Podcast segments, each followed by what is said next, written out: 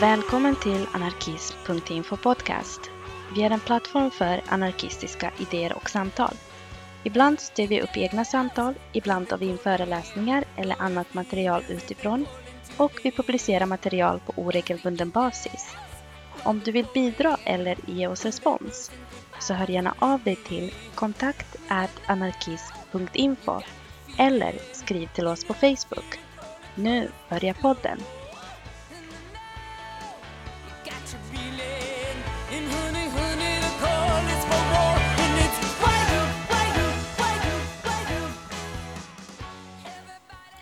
Hej och välkomna till ett nytt avsnitt av anarkism.info podcast.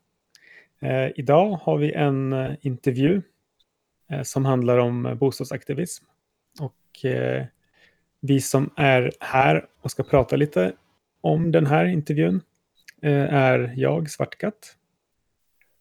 Jag, Alf, är med. Och Luttra är med. Ja, och eh, det ska bli jättekul att, att höra på intervjun först och sen prata lite kring den. För det, bostadsorganisering är ju superaktuellt nu. Eh, jag vet inte om ni har några tankar så här inför eller om vi ska köra igång samtalet. Vi kör igång samtalet tycker jag.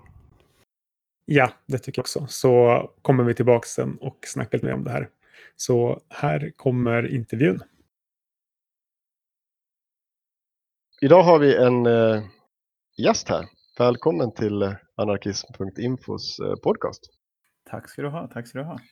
Vi ska ju prata om eh, bostadsorganisering om en liten stund. Men jag tänkte först om du kanske ville presentera dig lite grann om du har lust att säga någonting om eh, din bakgrund vad gäller organisering och sådär politisk Mm. hemvist vore kanske på sin plats om du vill. Ja, det kan det vara på sin plats.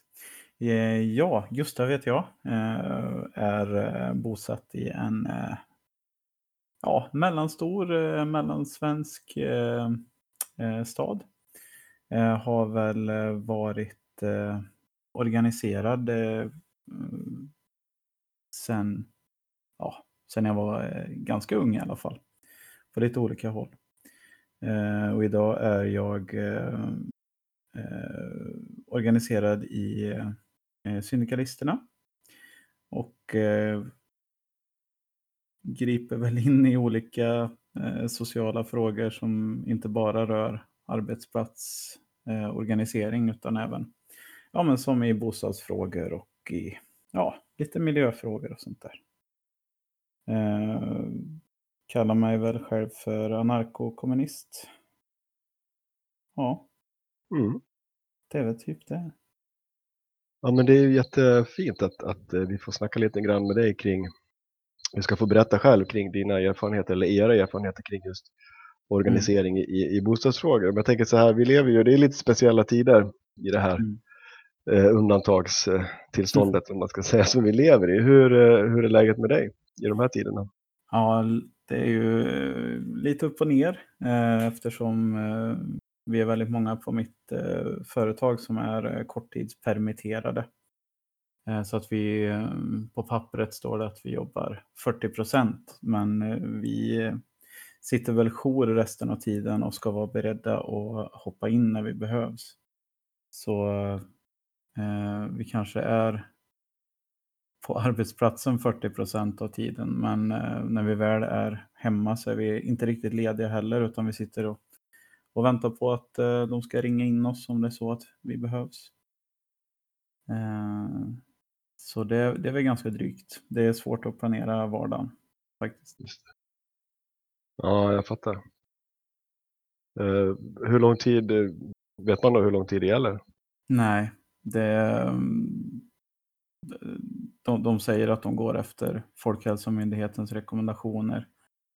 Eh, Så nej, det är svårt att säga.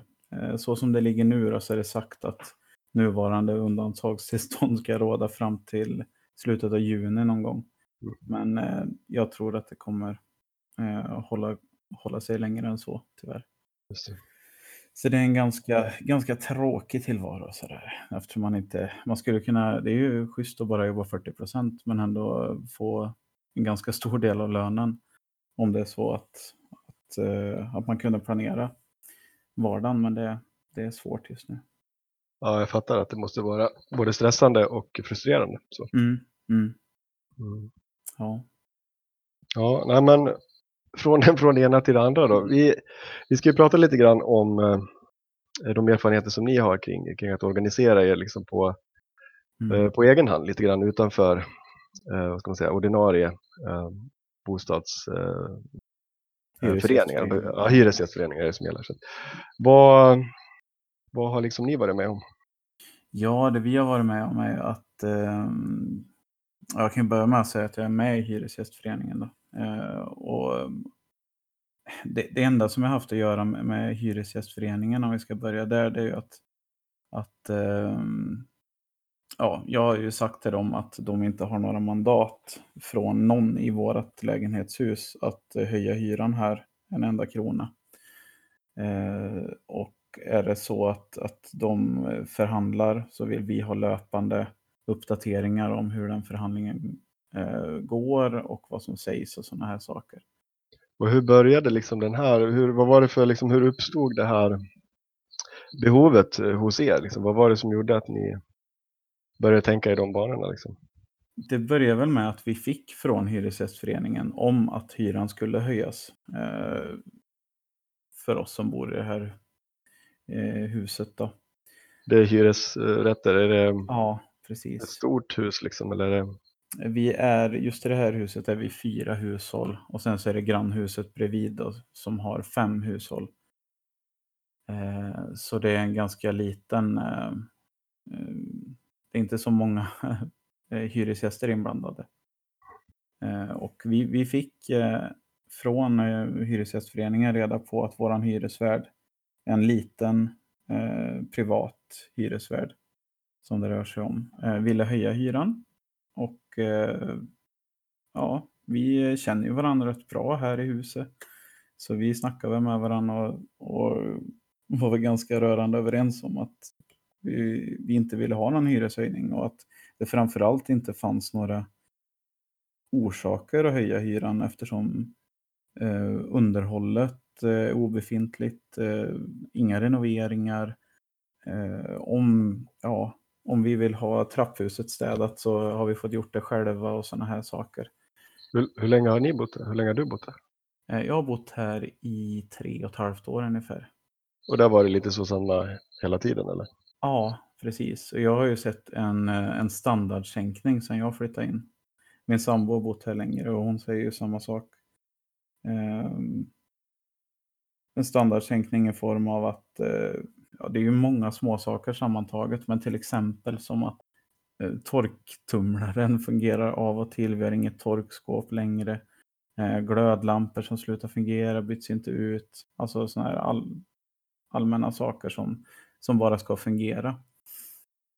Eh, så vi har upplevt en standardsänkning och, och är det så att standarden sänks så finns det ju ingen anledning att höja hyran. Mm. Eh, Så, så som det blev då i början var att jag frågade runt liksom att jag kommer skriva ett brev med det här och det här innehållet till Hyresgästföreningen. Eh, Skulle ni kunna skriva under det? Och det var ju, alla var ju rörande överens om, om, eh, om det. Då. Och i det brevet stod det att vi eh, går inte med på några som helst eh, hyreshöjningar. Och vi är beredda att hyresstrejka om det är så att, att hyran ska höjas men att det fortsätter att förfalla helt enkelt. Mm. Just det, så ni hade snackat om, om, om liksom, eh, hyresstrejk? Ja, ja Mm absolut. Och eh, det var ju de som inte var eh, medvetna om att det var en, en sak man kunde göra överhuvudtaget. Och, och, men när vi förklarar och vi som var lite drivande i det här, liksom vad det innebar och, och så där så sa de att ja men det är självklart, det, det låter ju som en bra grej. Mm. Och då, de andra i huset, de hade bott där då var det någon som hade bott där eh, längre? Mm. Ja, det är några som har bott här eh, betydligt längre tid än så. Just det. Men jag tänker så här, lite, mer, lite praktiskt bara så här, innan vi går vidare. Alltså, I den här diskussionen som ni hade, träffades ni då och diskuterade? Alltså, så hade ni liksom fysiska möten? Ja, det hade vi. Vi, vi, inga, vi, vi funderar på att liksom sätta oss ner allihop eh, kring ett bord och diskutera de här sakerna. Men, men vi ses ofta ändå i olika sammanhang. Då, om, ett, om vi är nere i tvättstugan eller eh, det finns många sociala husdjur här som springer in och ut i olika hushåll. Eh, så vi ses så mycket ändå. Där. Vi har en ganska bra sammanhållning. Eh, Även om det finns väl saker som vi kanske inte, någon tycker att det kanske städas dåligt i, i tvättstugan när vi har varit där och sådana här saker. Och så, så finns det ändå en, en, bra, en bra sammanhållning eh, gentemot eh, motparten då, som, är, som är hyresvärden. Just det. Var, I de här diskussionerna, var det någon som var liksom, fanns det några liksom hinder, vad man ska säga, som ni behövde liksom diskutera sinsemellan? Eller var, var det så att alla var ganska överens om att nej, men vi kör på det här? Nej, men alla, alla var överens. Eh, det, det, en, enda sakerna som, och just när det gäller underhållet, snöröjning, vi har äldre personer som bor här eh, som, som är ganska beroende på, av att kunna ja, slippa pulsa runt i snön. Eh, det var att vi hade några som bodde här som mot ett hyresavdrag eh, inofficiellt fungerade som några sorts vaktmästare. Eh, och det var ju lite bekymmersamt eh, eftersom ja, när vi påtalade att saker och ting inte funkar så, så gjorde man sig ju lite ovän med dem var man rädd för och sådana här saker. De har inte behörigheter att hålla på med elen i ett hus och sådana här saker. Eh, och då kunde det bli att man kände att man kanske trampar dem på tårna lite. Ehm, de har flyttat nu, men, men det kändes som att det kunde vara ett, eh, ett hinder helt enkelt för dem. Eh, skulle ju kunna ha blivit kanske lojala med hyresvärden då eftersom de bodde här till en reducerad hyra och eh, skulle ha hand om vaktmästeriet om man säger så. Just det, just det. Och det var ju en ganska informell uppgörelse dem emellan då. Eh, nu gick det aldrig så, utan de var också på linjen att, att det inte fungerar som det skulle här. Så det blev aldrig en konflikt, men det var väl någonting som jag såg att det skulle kunna bli någonting eh, förhindrande i, i sammanhållningen här. Då. Ja, men precis. Men så I det här, eh, så ni skrev då ett brev att, sa Mm. att ja, men det är det här, liksom, vi, vi är beredda att gå i strejk och vi tänker inte gå med på någon hyreshöjning. Mm. Vad, vad hände sen då? Eh, sen blev det helt tyst Eh, ganska lång tid.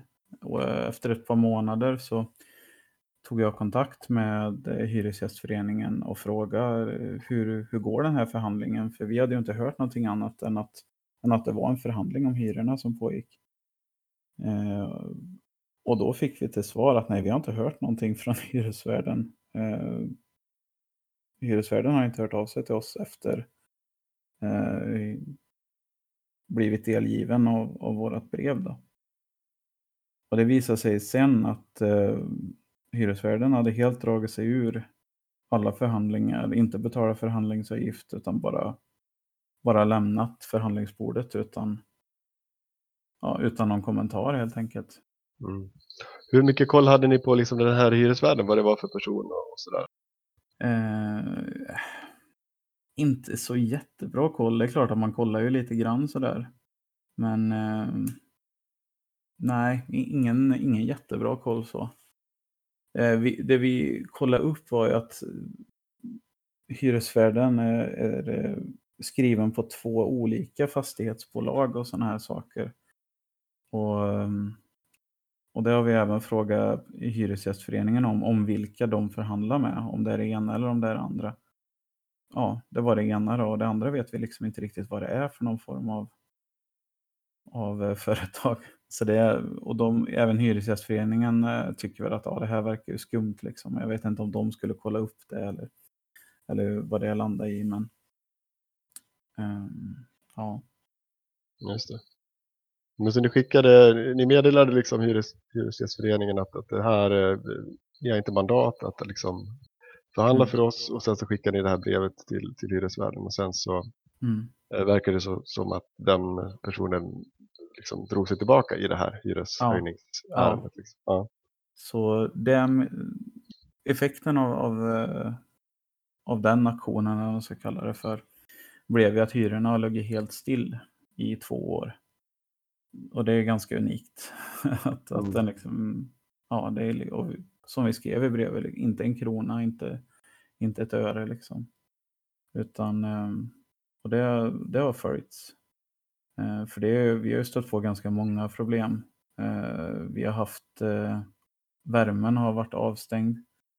Vi hade 14-15 grader som lägst i vår lägenhet förra vintern var det väl. Vi har kopplat in miljökontor. Det finns eh, hushåll som har mögel i, i sina våtrum och sådana här saker. Då. Så, och det där har vi ju pratat om, om ja, att vi ville ha hyresavdrag för den. Mm. Och, och så blev det också då.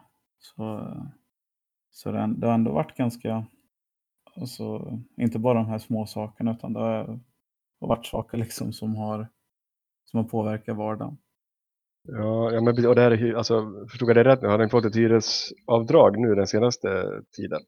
Ja, det var, det var ungefär i samma veva där för ett par Mm. år sedan då när vi eh, så föll det sig så att mitt under den här eh, hyresförhandlingen som aldrig blev då, så slutade värmen att fungera och sådana här saker. Ja, ja. Men hade ni, fick ni någon kontakt med, med hyresvärden i det här? Eh, nej, det, hyresvärden gör sig själv otillgänglig eh, när det behagar. Om det är så att vi är bråkiga eller om vi kräver att basala eh, saker som ska ingå i hyran, att, att de fungerar och att de sköts. Eh, då blir hyresvärden helt plötsligt väldigt eh, svår att få tag i trots att alla skickar mejl eller ringer. Eh, men så fort, eh, så fort vi pratar om att betala, alltså reducera vår egen hyra eller hyresstrejka, då blir hyresvärden väldigt lätt att få tag i. om, om man vill översätta det här till en arbetsplatssituation så kan man ju se det som att om man aldrig trycker på de punkterna som gör ont så kommer aldrig motparten till förhandlingsbordet eller ens kommunicerar med, med dig. Men, har, ja men precis, det är en jättebra jämförelse tänker jag. Har ni, har ni tagit liksom, de- behov som, som jag hör att ni har haft liksom, med att Mm. saker och inte ting har fungerat och det har varit dålig standard. Är det Mm. någonting som ni har tagit tag i liksom, själva på något sätt också och, Mm. och kollat upp vad som behövs göras och sådär? Ja, eh, en sån eh, enkel grej som sanitet, att, eh, att det är städat i, i trappuppgångar och såna här saker eh, har vi ju, det har vi ju tagit tag i själva då. Och, och, och liksom när vi väl har gjort de här sakerna som behövs, som snöröjning och, och städning av gemensamma utrymmen och såna här saker, så har vi ju hört av oss till till hyresvärden och sagt att ah, nu har vi gjort de här och de här sakerna. Eh, och eh, vi är beredda att ta över och liksom ha en självförvaltning av alla de här sakerna eh, mot en hyresreducering. Alltså att vi kanske får ett avdrag på en 500 i månaden mot att vi gör de här sakerna som egentligen ska ingå i hyran. Eh, och eh, då har det ju blivit fart på hyresvärden helt plötsligt och då har ju de här sakerna börjat fungera bättre. Det har liksom börjat städats och röjas snö och vad det nu kan vara. Mm. Vi har haft värme på vintern och sådana här saker. ja, ja, det är gött. Vad heter, ja precis, ja, men vad, vad, vad intressant tänker jag. Och har det varit något mer snack om att, att höja hyran? Ja, eh, sist nu, eh, för nu har ju, eh, jag tror det är mot bakgrund av att eh, hyresvärden har varit tvungen att eh, göra vissa renoveringar för att få bort svartmögel och sådana här saker. Eh, och, och det är ju någonting som ska återigen ingå i hyran. Det är inget, inget skäl eh, per definition att höja hyran. Men eh, då har eh, hyresvärden kommunicerat, eh, inte via Hyresgästföreningen utan direkt till andra grannar, att eh, från och med april månad så kommer hyran att höjas. Dock inte med hur mycket vet vi inte, men eh, så vi fick berättat då från, från en granne här att har ni hört talas om någon hyreshöjning? Nej, sa jag, det, det har jag inte gjort. Och då eh, ringde jag till Hyresgästföreningen med en gång och frågade att har ni förhandlat om våra hyror? Eh, det har ni liksom inte mandat att höja våra, för nu har vi fått reda på att de ska höja hyran här och det har vi kommit överens om att de ska ju inte höjas. Nej, vi har inte hört någonting, sa Hyresgästföreningen. Eh, Det här är något eget påfund för hyresvärden. Hyresvärden har inte ens eh, rätt att förhandla längre eftersom den inte har betalat förhandlingsavgiften. Eh, Så eh, det har vi ju pratat med hyresvärden om att du har inte, det är en olaglig hyreshöjning. Du har inte Mm. förhandlat om, om att höja hyran. Så, eh, och nu har vi inte hört något mer om någon hyreshöjning. Där vi har inte fått ut några nya avier för hyrorna och sådana här saker. Utan, Mm. Mm. och vi, vi sa det till hyresvärden också att eh, vi tänker betala den hyran som vi har betalat nu därför att det har inte förhandlats helt enkelt. Och då finns det en fälla man kan gå i där och det är att om vi nu hade betalat den nya hyran så finns det en risk för att det ses som en överenskommelse. Att vi har kommit överens med, med hyresvärden om att den nya hyran är okej. Det. Så eh, kommer det en avi hem med en hyreshöjning så ta inte det för givet utan Mm. eh, hör av dig till, till Hyresgästföreningen eller dina grannar och, och kolla läget om, om det verkligen är förhandlat på rätt sätt. Ja, ja, precis. Jag tänker i, i ert fall då, så tänker jag att det här var ju mer ni var ju mer uppmärksam på det här tänker jag eftersom Mm. det hade varit en fråga som ni har liksom jobbat med Mm. eh, på, på, liksom på, på egen hand en tid. Så då tänker jag att och att ni inte är eh, liksom jättemånga som, bor i huset tänker jag också Mm. kan vara en fördel. Att då blir det liksom, om man har den här vetskapen, att man kan Mm. lättare hantera en sån här situation. Så att om, du, om jag tolkar det rätt, då, om det är så att till exempel en, en boende betalar Mm. en hyra så skulle det kunna i alla fall vara underlag för en argumentation från hyresvärden att ja, men nu, Mm. nu är det det här som gäller för det är en person som har betalat eller ett hushåll. Ja, exakt. Mm. Det, så skulle det mycket väl kunna bli. Just det. Så, och du är inne på det där när du säger att, att det är bra att vi inte är så många. Och det, är ju, det gör ju att sammanhållningen är enklare, allting är, är mer överskådligt. Precis. Och hur har, hur har eh, ja, men det här med, med Hyresgästföreningen då, Mm. hur har det liksom vad ska man säga, funkat att liksom organisera er utanför men ändå haft en, någon slags dialog Mm. mot dem? Hur har det funkat tycker du? Det har ju funkat så. Alltså det har ju uppstått eh, en form av informell organisering här i, i trappuppgången eh, som är grundat på så simpelt som att vi pratar med varandra när vi ses. Vi ses rätt ofta. Eh, det finns inget, liksom ingen organisation på pappret eller någon sådana här saker utan vi snackar ihop oss. Och det är, man ska inte göra det svårare än, än vad det är. Vi, vi har ju alla intresse av att betala så lite som möjligt för den mänskliga rättigheten att bo någonstans. Eh, under drägliga förhållanden. Och det, det är inte svårare än så. Vi frågar inte varandra vad, vad de röstar på eller Mm. sådana där saker. Och Mm. det, för vår bostadssituation är sådana saker helt, helt ovidkommande. Utan vi har ju samma intresse av att eh, bo under drägliga förhållanden till så låga kostnader som möjligt. Mm. Och hur är standarden nu? Är det liksom någon, skillnad mot om det har varit värre tidigare? Liksom? Ja, eh, för eh, våran granne som har, har det sämst i våran trappuppgång så är det väl bättre för nu har det ju blivit renoverat där då. Eh, och, vi har ju tryckt på allihop när vi har kommunicerat med hyresvärden. Är- vi har ju inte pratat i, i egen intresse. När jag har pratat med Hyresgästföreningen eh, eller hyresvärden så har inte jag pratat om, om bara mitt hushåll och, och vad som felar här utan jag har ju pratat om grannen bredvid, grannen under, vad de har för problem och sådana här saker. Och de har vi gjort samma sak när de har pratat eh, med Hyresgästföreningen och hyresvärden, alla de här instanserna. Det är att vi, det har vuxit fram en förståelse att om det är så att vi har det dåligt så får de det också sämre. Mm.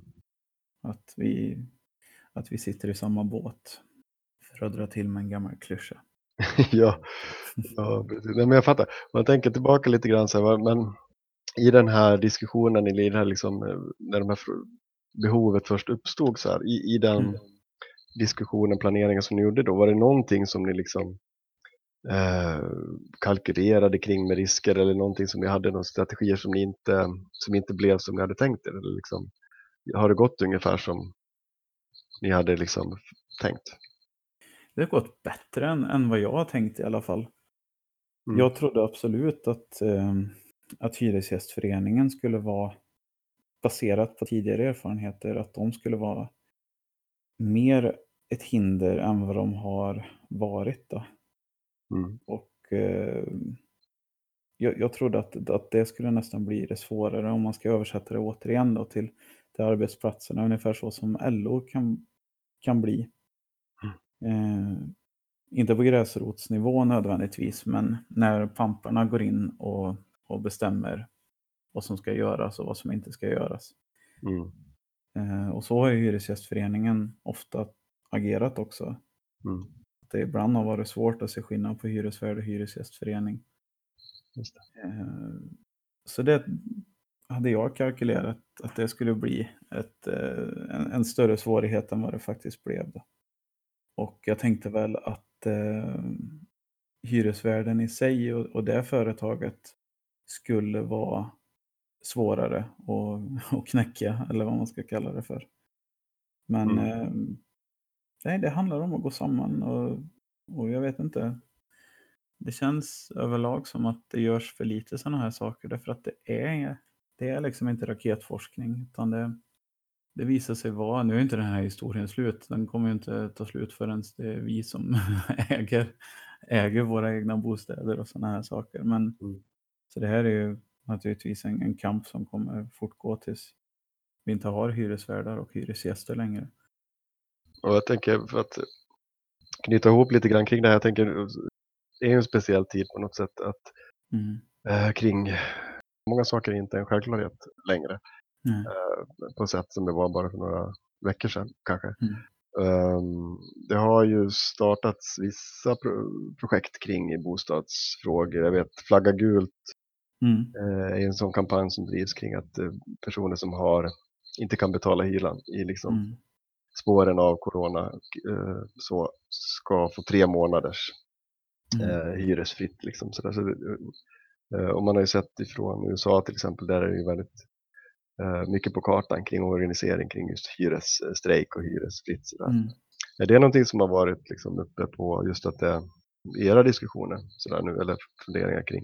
Nej, inte, inte just bland oss hyresgäster i det här huset så, så vet jag inte. Jag tror inte att, att det är så vanligt, varken på arbetsplatser eller i, i bostäder, att, att man liksom sätter sin egen kamp i, i, i ett större sammanhang.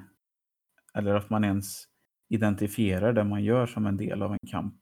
Och jag tror där är något av det absolut viktigaste som vi kan göra är att, att visa på att ja men kolla, här är det några i, på andra sidan jorden som har gjort exakt samma sak som, som vi gör. Eh, vi är faktiskt en del av ett, ett större sammanhang. I, det är ingen isolerad händelse som bara händer här utan folk över hela jorden gör det här och det, det är en form av kamp och medvetandegöra det. Mm. Eh, även på arbetsplatser att ja men att du sa nej till chefen nu, det det är klasskamp liksom. Mm. Oavsett vad du röstar på när det är val eller sådana här saker. Så, så är du är en aktör i, i klasskampen och likadant här i, i våran bostad. Att, att ja, du bedriver bostadskamp, det är faktiskt vad du gör.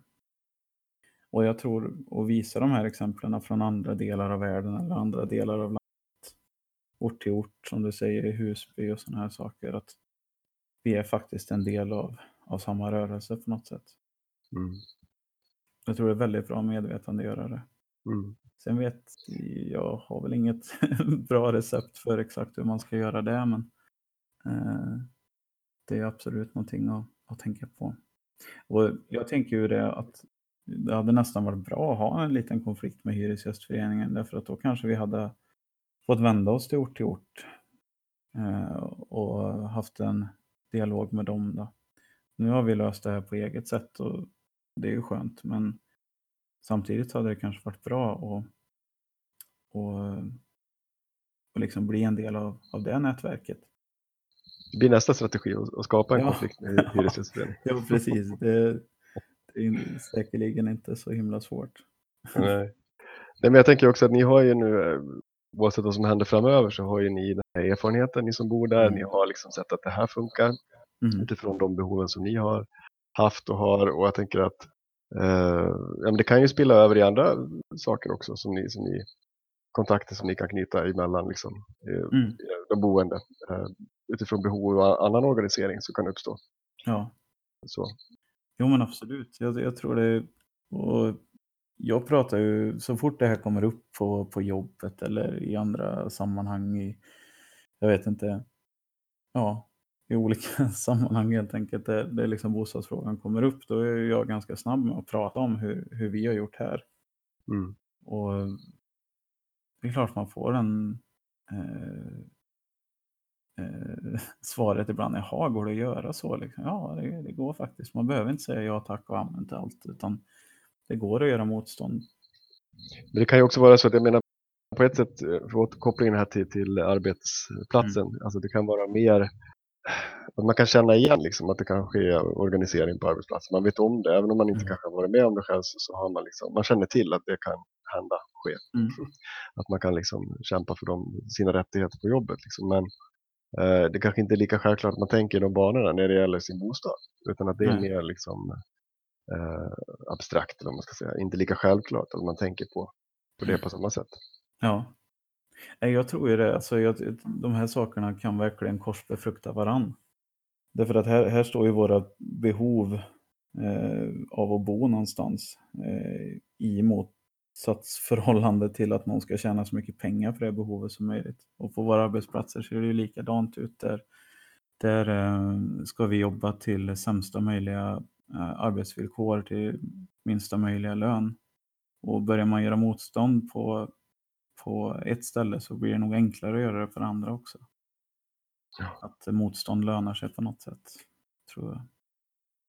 Det är Ja. viktigt att förmedla.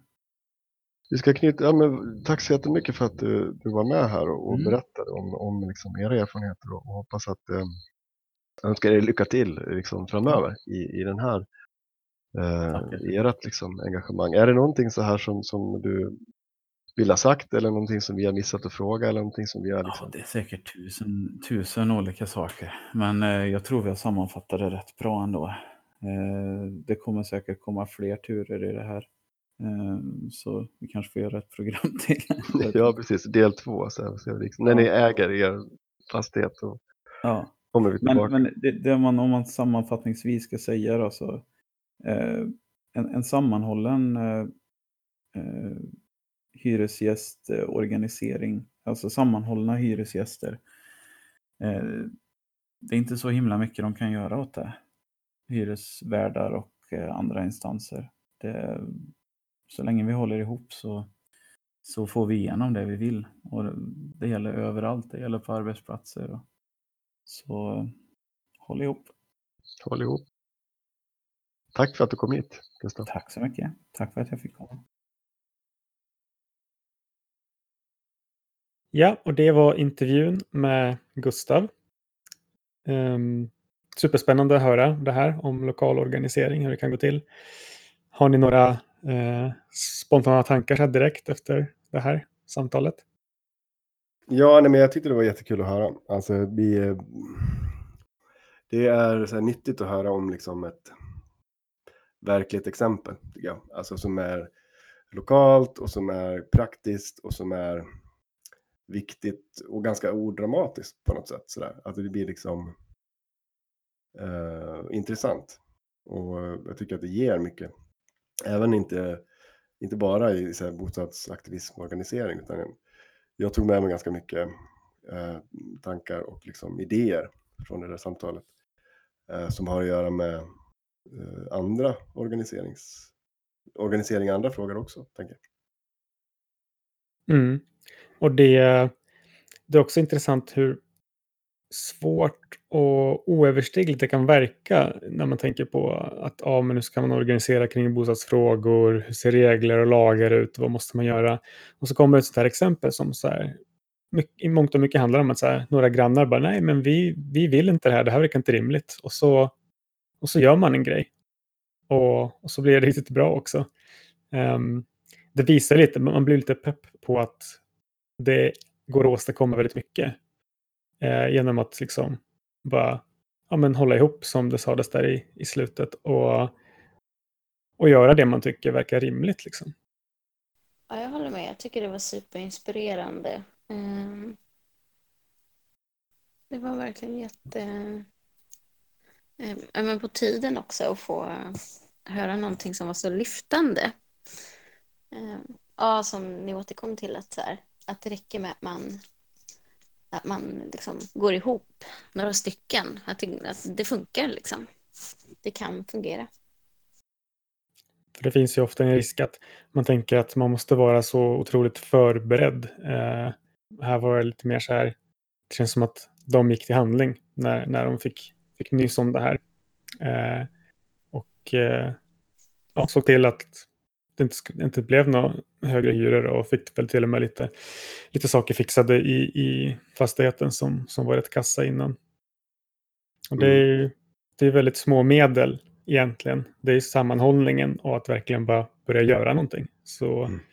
eh, jag, jag drar direkt paralleller till eh, men, arbetsplatsorganisering. Och jag bland annat när jag varit på, för många år sedan nu, men i SAC så finns det en sån här grundkurs i förhandling. Och där sägs det ju, eller sägs, i alla fall på den som jag var på, så den som höll i kursen sa att ja, när ni är klara med de här två, tre timmarna, då kan ni mer om arbetsrätt och arbetsplatsorganiseringen än era chefer i 99 procent av fallen. Eh, och det var lite så här, wow, oj då. Man tänker sig att så här, men det är så stort och abstrakt och krångligt och chefer eller hyresvärdar i det här fallet har stenkoll. Men det visar sig att de kan ju ibland liksom verkligen sätta krokben för sig själva också, för de, de, de är så säkra på att ingen gör någonting så att de själva inte har jättebra koll på vad de kan eller bör göra när folk gör lite motstånd. Mm, ja, nej men precis. Jag tänker att som, som eh, Gustav var inne på i intervjun, att så här, det, ja, men det handlar om att prata med varandra, att börja snacka eh, ihop sig.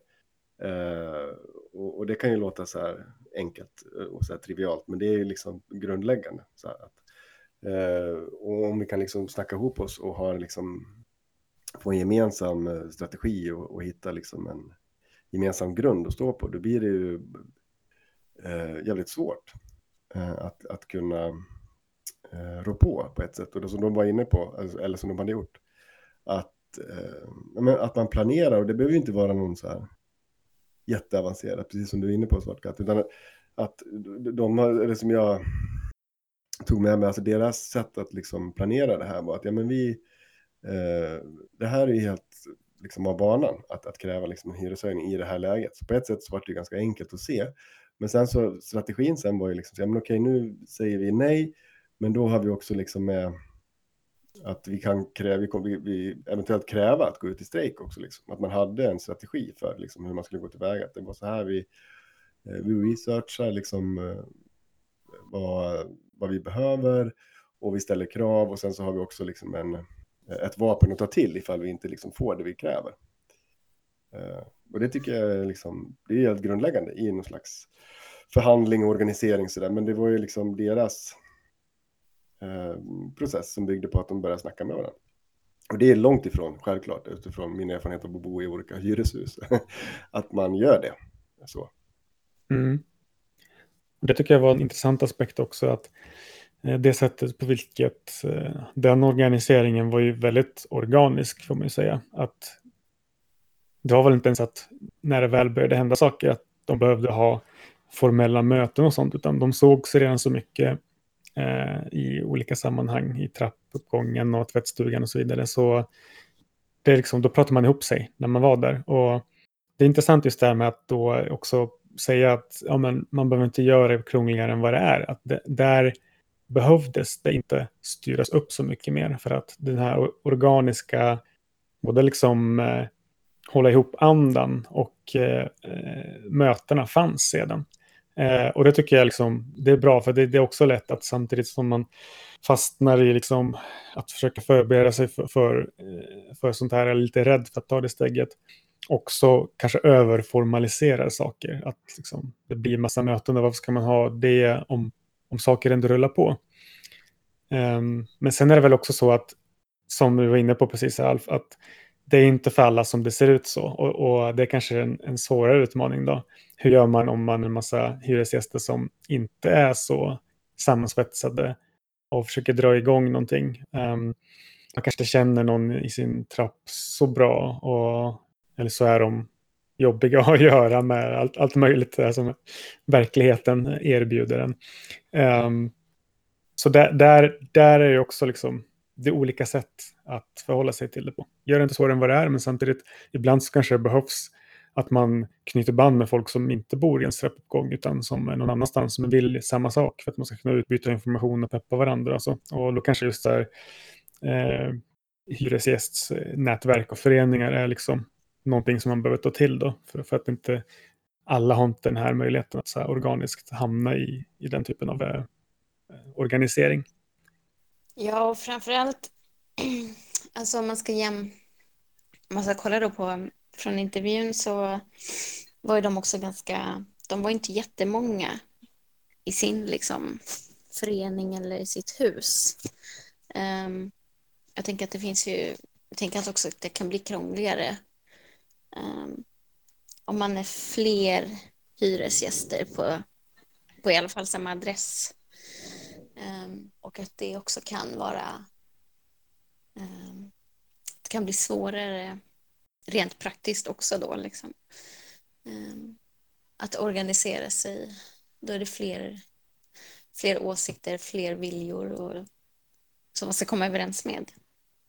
Mm. Precis, då kanske man behöver när, de här mötena ändå, för det är svårt att hålla i huvudet vad alla, alla ville och tänkte om saken och det är inte lika lätt att liksom nå en konsensus där det är bara självklart att ja, men alla skrev på den här, den här skrivelsen som skickas iväg och så vidare. Så, det, så är det helt klart. Jo, nej, men precis. Jag tror man kan ta med sig, eller jag tänker att man kan ta med mig från den här, liksom, det här exemplet, den här intervjun, någon slags känslan av så här enkelhet och pepp i att men vi, om, om vi vill så kan vi stå emot och vi kan kräva saker och vi kan få igenom dem. Sen kan ju den processen se olika ut beroende på situationen och jag tror jag, precis som ni är inne på, att om man bor i ett större hus med många fler boenden och att man kanske behöver en annan strategi och ett annat upplägg kring hur vi liksom organiserar oss, liksom snackar ihop oss sådär. Uh, så. Och, och, men, och, och, där handlar det väl också om att hitta gemensam grund, liksom, så att man en samarbetsvilja, eller vad man ska säga, och en enighet på något sätt i, i vad det vi vill och så. Uh, men Eh, att man bara har den medvetenheten med sig. Så här, ja, men okej, det, vad vill vi göra och hur, vad är våra förutsättningar för att göra det? Ja, och framförallt att börja prata med varandra. Det tycker jag är jätte, en jättefin eh, grej som man saknar väldigt mycket när man bor i lägenhet. Att det är väldigt anonymt. Man är väldigt anonym mot sina grannar på det sättet. Man inte känner alla, man pratar liksom inte för man ses liksom inte. Det finns inte riktigt den grannsamverkan upplever jag eh, gentemot om man bor i villa till exempel eller hus. Um, så bara det tycker jag är jätteinspirerande, bara så här att, att liksom bara prata med varandra. Mm. Sen har eh, kanske inte alla sådär jättelätt för att eh, ta den kontakten. Men det går också bra att eh, sätta upp en lapp eller skapa en Facebookgrupp eller vad som nu passar. Ehm, eller ta tillfället i akt när det händer någonting. Som exempelvis i vårt eh, hus. Det, det, är ett ganska litet eh, bostadshus med sex lägenheter. Men vi har ändå inte haft så jättebra koll på grannarna. Speciellt i början när vi flyttade in. Um, och det var inte förrän eh, brandlarmet gick en, en dag som alla var tvungna att liksom, ta sig ut och stå på framsidan och vänta in brandkåren och folk undrade vad som hände. Och då började man liksom prata med varandra och då fick man liksom ett litet ansikte på folk dels och sen var det folk som började prata om att oh, men det här funkar inte så bra i källaren eller någonting i lägenheten som inte funkade. Um, så då liksom öppnades det upp en möjlighet att uh, göra någonting. Och just i det här fallet så ledde det inte det till någon vidare organisering. Um, men det visar ändå lite på att lite paradoxalt nog så krävs det ibland någon liten kris för att folk ska komma samman och hitta varandra. Mm.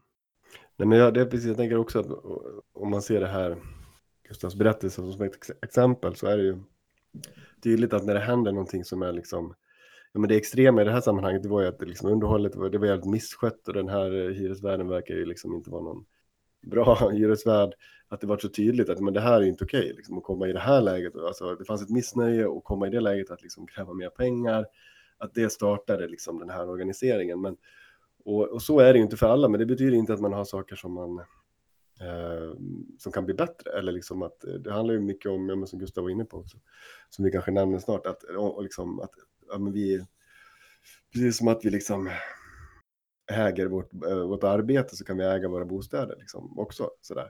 Att det kan vara, att man kan ta det här exemplet, den här historien som, som är liksom en, en pepp på att liksom göra det, att göra det man behöver. Även om det inte ser exakt likadant ut. Det behöver inte vara kris liksom. Just det här som nämns också om att eh, vara en del av någonting större. Um, jag minns inte riktigt hur det uttrycktes exakt, men eh, det här med att vare sig folk är medvetna om det eller ej så har vi som boende gemensamma intressen mot hyresvärdar. Precis som man har det på jobbet mot chefen eller ja, i slutändan kanske en kapitalist eller staten som äger eller ja, gör anspråk på arbetsplatsen. Eh, och vare sig folk är medvetna om det eller inte så bedriver man ju någon slags klasskamp. För att vi har ju, vi vill ju ha så låga hyror som möjligt för att kunna leva och vi vill ha så mycket lön som möjligt för att ja, kunna betala hyra och mat och boende. Medan för motparten så är det tvärtom, att det ska krämas ut så mycket som möjligt från människor för boende och andra sådana här ja, lyxartiklar som tak över huvudet och mat på bordet. Så det är ju ett intressant sätt att se på det, att eh, klasskamp eller den typen av kamp, det är ingenting som man måste typ marschera ut och bedriva någon annanstans. Utan det sker, eh, det sker i ens vardag. Och frågan är bara hur man förhåller sig till den, hur man gör och hur man tar tillvara på det faktumet att vi tillsammans kan få så mycket mer gjort och liksom få så mycket bättre villkor. Ja, men alltså det är ju de här områdena som, som, man, som jag behöver utöka, liksom, få frihet. Liksom. Alltså frihet att liksom, jobba eller inte jobba, frihet att bo eller liksom, inte bo, vad man ska säga, betala för. Eh, inte betala massa pengar till, till en massa kapitalister som bara sitter och skor sig på, på, på mig. Liksom. Utan att, eh, och då, då, då är det ju både så här pedagogiskt, strategiskt att liksom, avgränsa vissa frågor, eh, även om det inte är så enkelt att liksom, det ser ut så i verkligheten, att det är tydliga gränser mellan så här, jobb, fritid, boendet, men att mer liksom, men okej, det här, eh, om jag skulle få liksom, större frihet, liksom, hur jag lönearbetar eller inte, om jag skulle få större frihet i hur jag bor, eh, då skulle det, det skulle ge jättestor skillnad. Alltså, så. Och då eh, tänker jag att de frågorna är jätteviktiga. Och som vi var inne på i intervjun tänker jag också att det, min erfarenhet är att just bo, boendefrågor, bostadsorganisering, är inte lika självklart som kanske liksom arbetsplatsorganisering. Mm. Nej, jag håller, jag håller nog med att man borde se det man borde se det lika allvarligt eller ta det på lika stort allvar, allvar som att ha ett arbete just för att det, det är en mänsklig rättighet att ha någonstans att bo. Um, och att man inte bara ska vara tacksam för någonstans att bo utan att man också bör engagera sig eh, mycket i att ha någon, att, att det är en rättighet att ha någonstans att bo. Um, det tycker jag är superviktigt. Jag tycker att det lyftes jättebra i intervjun och att man fick, fick liksom upp ögonen eh, lite mer liksom, eller bli påmind om det.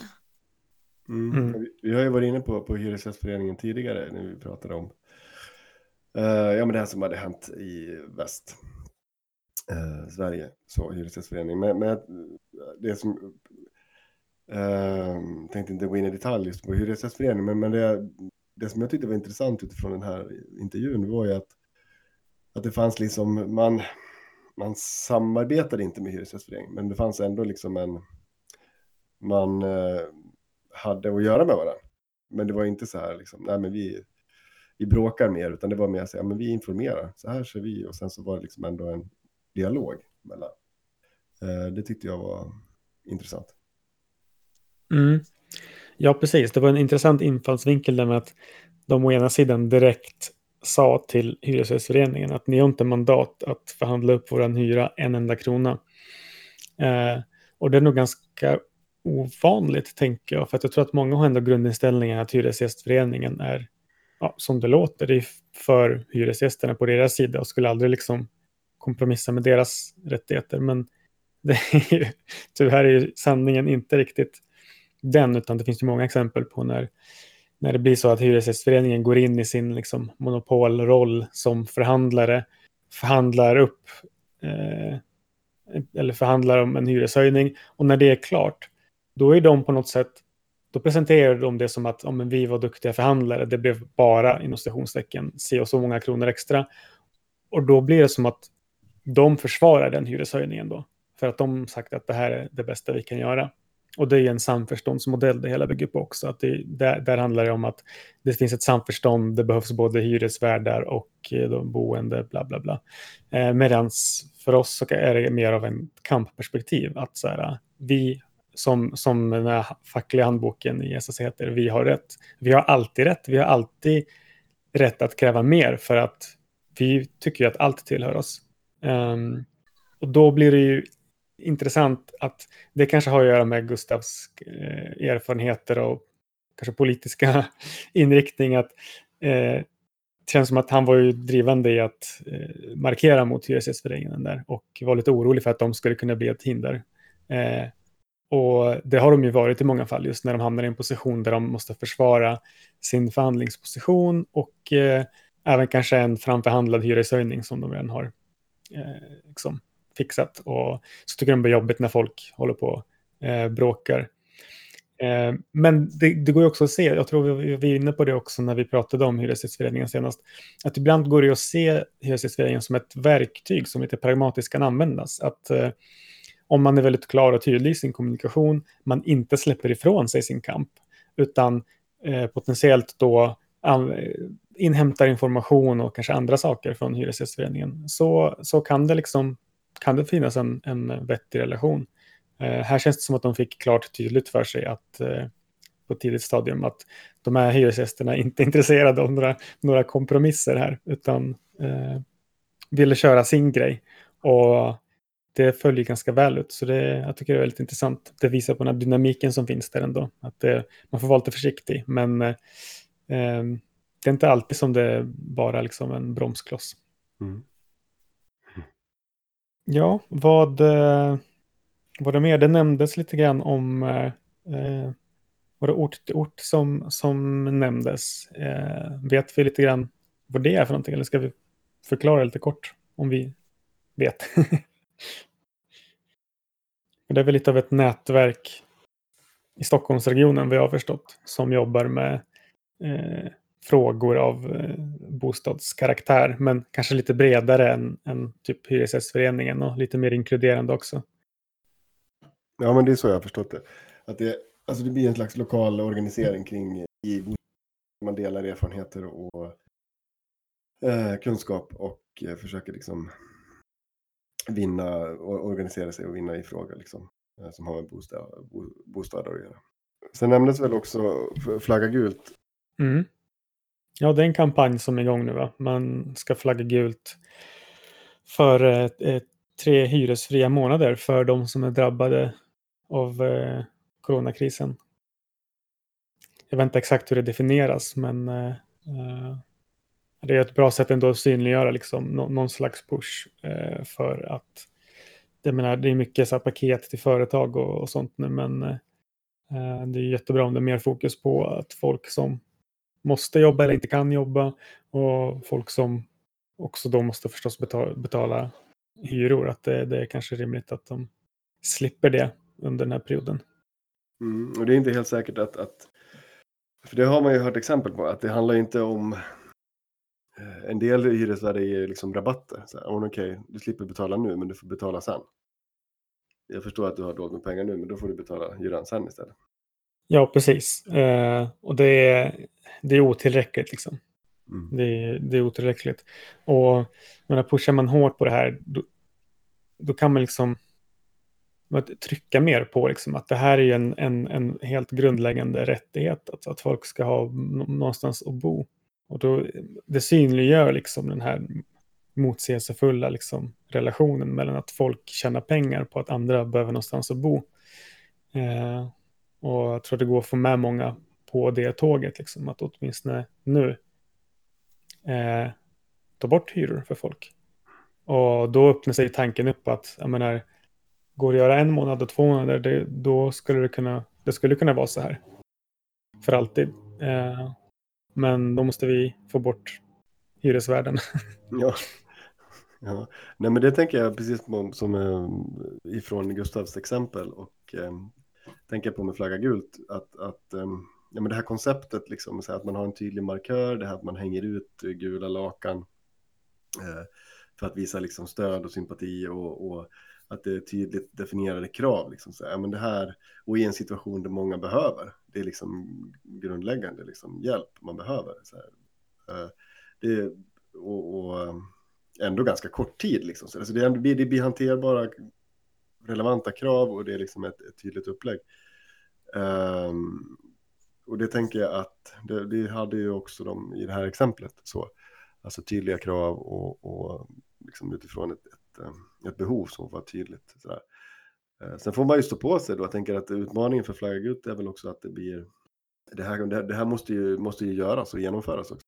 Så, eh, lokalt, alltså på, i husen. Mm. Ja, precis. Eh, vi får se lite hur det går. Det kan ju i alla fall vara bra att lyfta liksom, att det finns en sån kampanj. Det går att delta som individ, sprida budskapet och pusha på åt olika håll. Att eh, folk inte ska behöva betala hyror. Eh, det fanns ju även en del så här små saker som var så här. Det kan vara bra att ta fasta på som i intervjun som är så här små tips. Eh, jag tycker det här med att inte betala den högre hyran var superviktigt att eh, ha koll på eftersom det kan ses som ett, eh, en överenskommelse.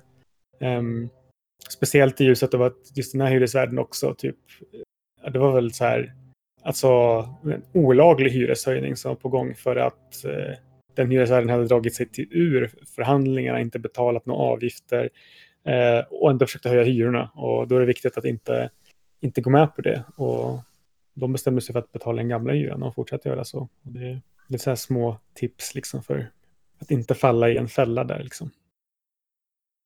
Ja, eh, nu har vi pratat lite runt det här eh, en stund och det kanske, det kanske räcker så. Att liksom, det här är, vi har inte några anspråk på att det här ska vara ett heltäckande avsnitt utan mer en intervju och en reflektion kring den. Eh, jag tycker det har varit väldigt spännande att, att höra på det här samtalet och det väcker liksom funderingar kring bostadsorganisering och det känns som att det sänker trösklarna och det är någonting som vi verkligen behöver göra, liksom att alla ska förstå att alla kan göra det här, det är inte svårt. Det är sakerna som vi behöver, liksom, som, som vi utgår ifrån. Att det ska vara bra standard, att vi inte vill ha högre hyror och att det är så jäkla mycket mer vi kan åstadkomma när vi är tillsammans. Då börjar det liksom darra direkt, vare sig det är på arbetsplatsen eller i bostadsområdet.